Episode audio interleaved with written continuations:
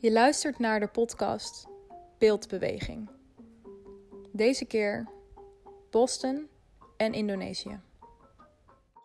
Voor me zie ik een foto. De kleur is rozebruin geslagen. In de achtergrond staan de pilaren van een tempel. Of zijn het donkere gordijnen? In het midden een jong uitziende vrouw. Ze is gekleed in traditionele Indonesische klederdracht. Het motief toont golven en bloemetjes.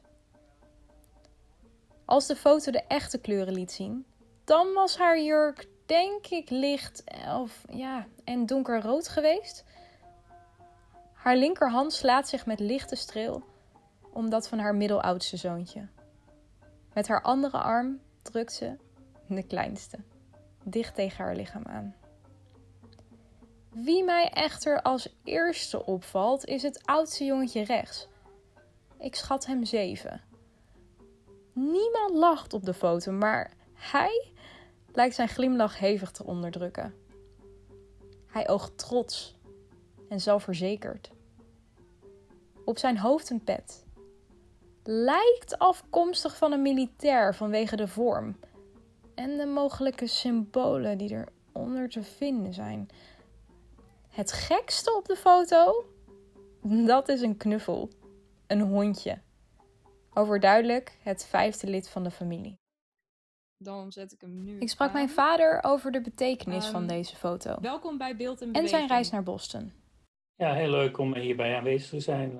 Bij deze foto denk ik aan mijn opa, die in, in Indonesië, die daar geboren is. En dit is een hele vroege foto van eh, toen hij nog niet ineens vijf of zes jaar was. En hij heeft ook een, eh, een speciale glimlach, die ik ook herken uit eh, mijn ba- babyfoto's. Het is een soort ingetogen glimlach, van ja, een klein beetje lachend, maar in- ingehouden. Mijn opa heeft natuurlijk in de, tijdens de oorlog in het Jappenkamp gezeten. Ehm, en dat was natuurlijk, eh, natuurlijk vreselijk. En die is daar ook gevlucht, ook tijdens, tijdens die, eh, dat hij gevangen zat. Eh, dus dat herinneren ook. Opa was een hele sterke man, maar ook een hele, hele lieve man. Maar die had, eh, het herinneren dus ook wat, wat hij allemaal heeft meegemaakt. En ook de grote overlevingsdrang die hij had. Dat zit allemaal wel een beetje in ons, dat we altijd doorgaan. Na tien jaar elkaar niet gezien, neemt mijn vader deze foto mee naar zijn enige neef. Eh, ik ben toen naar Boston gegaan in de US. En eh, toen ik hem ontmoette in, het, in de hotellobby, toen herkende ik hem meteen. Want hij lijkt ook een beetje op mijn opa. Ja, toen ik eh, de, mijn neef die foto gaf, en hij kende die foto natuurlijk helemaal niet.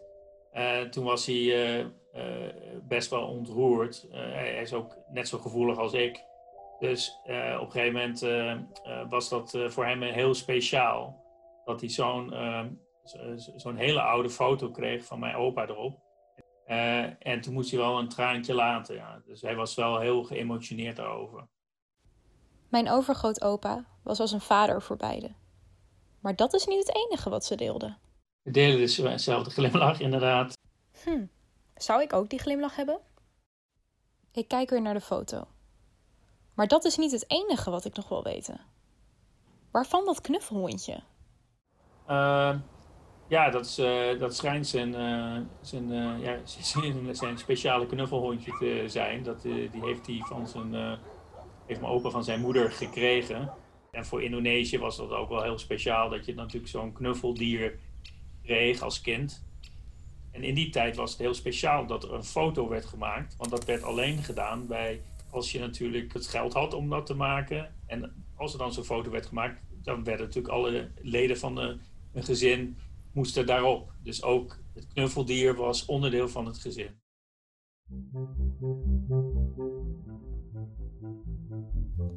Dit was Beeldbeweging. Bedacht en gemaakt door Iris Brugman. Dank aan Robin Brugman voor zijn verhaal. Volgende week een nieuwe aflevering over aan tafel zitten bij de maffia in Australië. Wist je dat in Bali baby's de eerste 105 dagen van hun leven de grond niet mogen aanraken? Zo ja, dat is dan uh, heel speciaal. Dat wist ik niet. Ik wist wel dat als uh, familieleden overleden zijn, dat ze nog een tijdje in het huis blijven.